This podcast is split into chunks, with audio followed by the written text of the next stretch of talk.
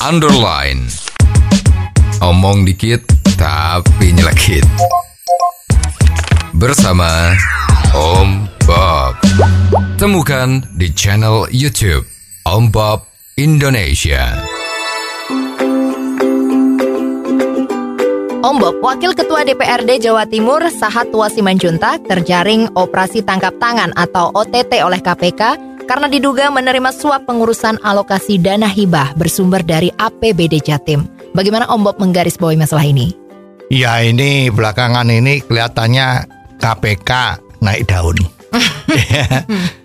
ini pejabat yang paling penting, ya penting lah ya, Wakil Ketua DPR Jawa Timur yang sekaligus dia tuh juga sekretaris dari DPD Partai Golkar Jawa Timur ya, itu kena OTT operasi tangkap tangan, Ya. ya, nggak bisa lari lah. Kalau sudah kena OTT itu barang bukti udah kepegang. Betul. Jadi nggak bisa lari ya. Entah bagaimana caranya, pokoknya kalau kena OTT ya udah selesai tamatnya ya. Tergantung nanti si sidangnya gimana ya. Semoga saja sidang-sidangnya itu tidak malah hukumannya makin lama makin eh, ringan gitu kan jadi Iya. repot Iya, ya. iya. Nah sekarang ini memang kok ya tidak ada yang takut ya. Mhm. Korupsi itu kan sudah menjadi sorotan di mana-mana ya Ya. semua udah pada tahu kok kalau korupsi itu adalah sesuatu yang jelek Mhm. ya kejahatan yang sangat extraordinary ya menyengsarakan rakyat ya bayangin ini sekarang yang dimakan uangnya itu adalah jatah yang namanya hibah dari APB daerah Mhm. jadi ada semacam keuangan dari anggaran pemerintah daerah Jawa Timur yang diberikan biasanya kepada lembaga-lembaga atau beberapa kelompok sosial masyarakat agar bisa dimanfaatkan langsung untuk pembangunan. Ya. Baik pembangunan fisik maupun pembangunan mental lah seperti Betul. itu lah. Ya. Nah ini ternyata hibah-hibah ini ada harganya. ya. Jadi wakil ketua DPR ini Mhm. Sahat Simanjunta ini pinter juga ya. Jadi mencari mangsa siapa yang mau dibantu. Hmm, kalau udah dibantu gua berapa? Ya. Ya 10% atau berapa. Dan ini memang jumlahnya kalau nggak salah itu kemarin ada yang terbetik berita itu 5 miliar. Hmm. Lah ini gimana?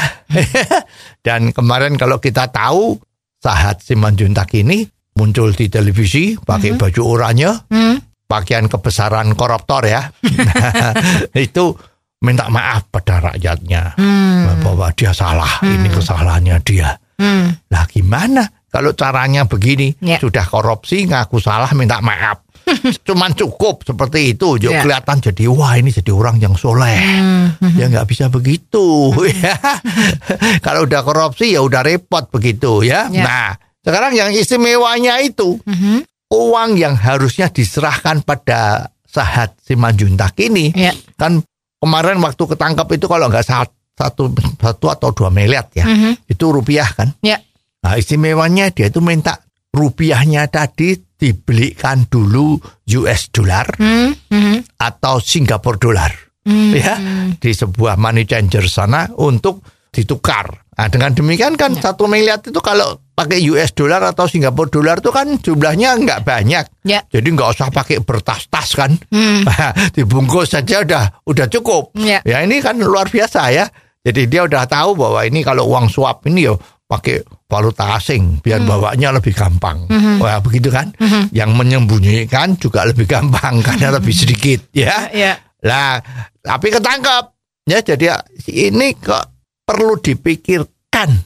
Kenapa kok korupsi seperti ini itu tidak habis-habis?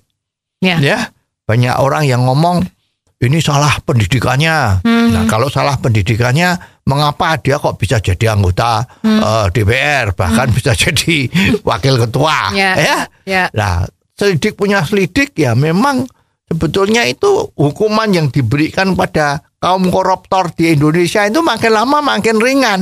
Hmm. Ya jadi nggak bisa. Ya. Jadi seperti kemarin itu undang-undang KUHP yang baru itu juga hukuman untuk koruptor itu minimalnya itu lebih sedikit. Kalau dulu minimalnya lima tahun, sekarang minimalnya dua tahun. Hmm. Nah ini kan angin surga untuk para koruptor. Ya, ya. Ya, jadi percuma lah kalau sempat nanti misalnya KPK itu ditingkatkan kemampuannya, ya terus menyapu semua koruptor, ya ya yang kena yang kecil-kecil kayak gini. Ya. Hukum dua tahun lepas, teman-teman lepas. Ya, jadi sebetulnya perlu dipikirkan apakah sistem hukum di tempat kita itu masih efektif untuk mencegah korupsi. Hmm. Jangan seperti sekarang. Ya. Di mana-mana kalau kita rasakan susah dibuktikan ya. Hmm. Itu pungli korupsi itu di mana-mana ada. Hmm. Semua dari atas sampai bawah itu terjadi semua. Ya. Dan ini sangat memprihatinkan. Hmm. Apa bisa nanti Indonesia itu menuju ke keemasan tahun 45 nanti? Hmm. Ya, jadi perlu mawas diri agar supaya bagaimana caranya korupsi harus diminimalis di Indonesia. Oh, jadi begitu ya Om Bob. Jelas deh sekarang. Terima kasih Om Bob untuk waktunya. Sampai ketemu lagi di waktu yang akan datang.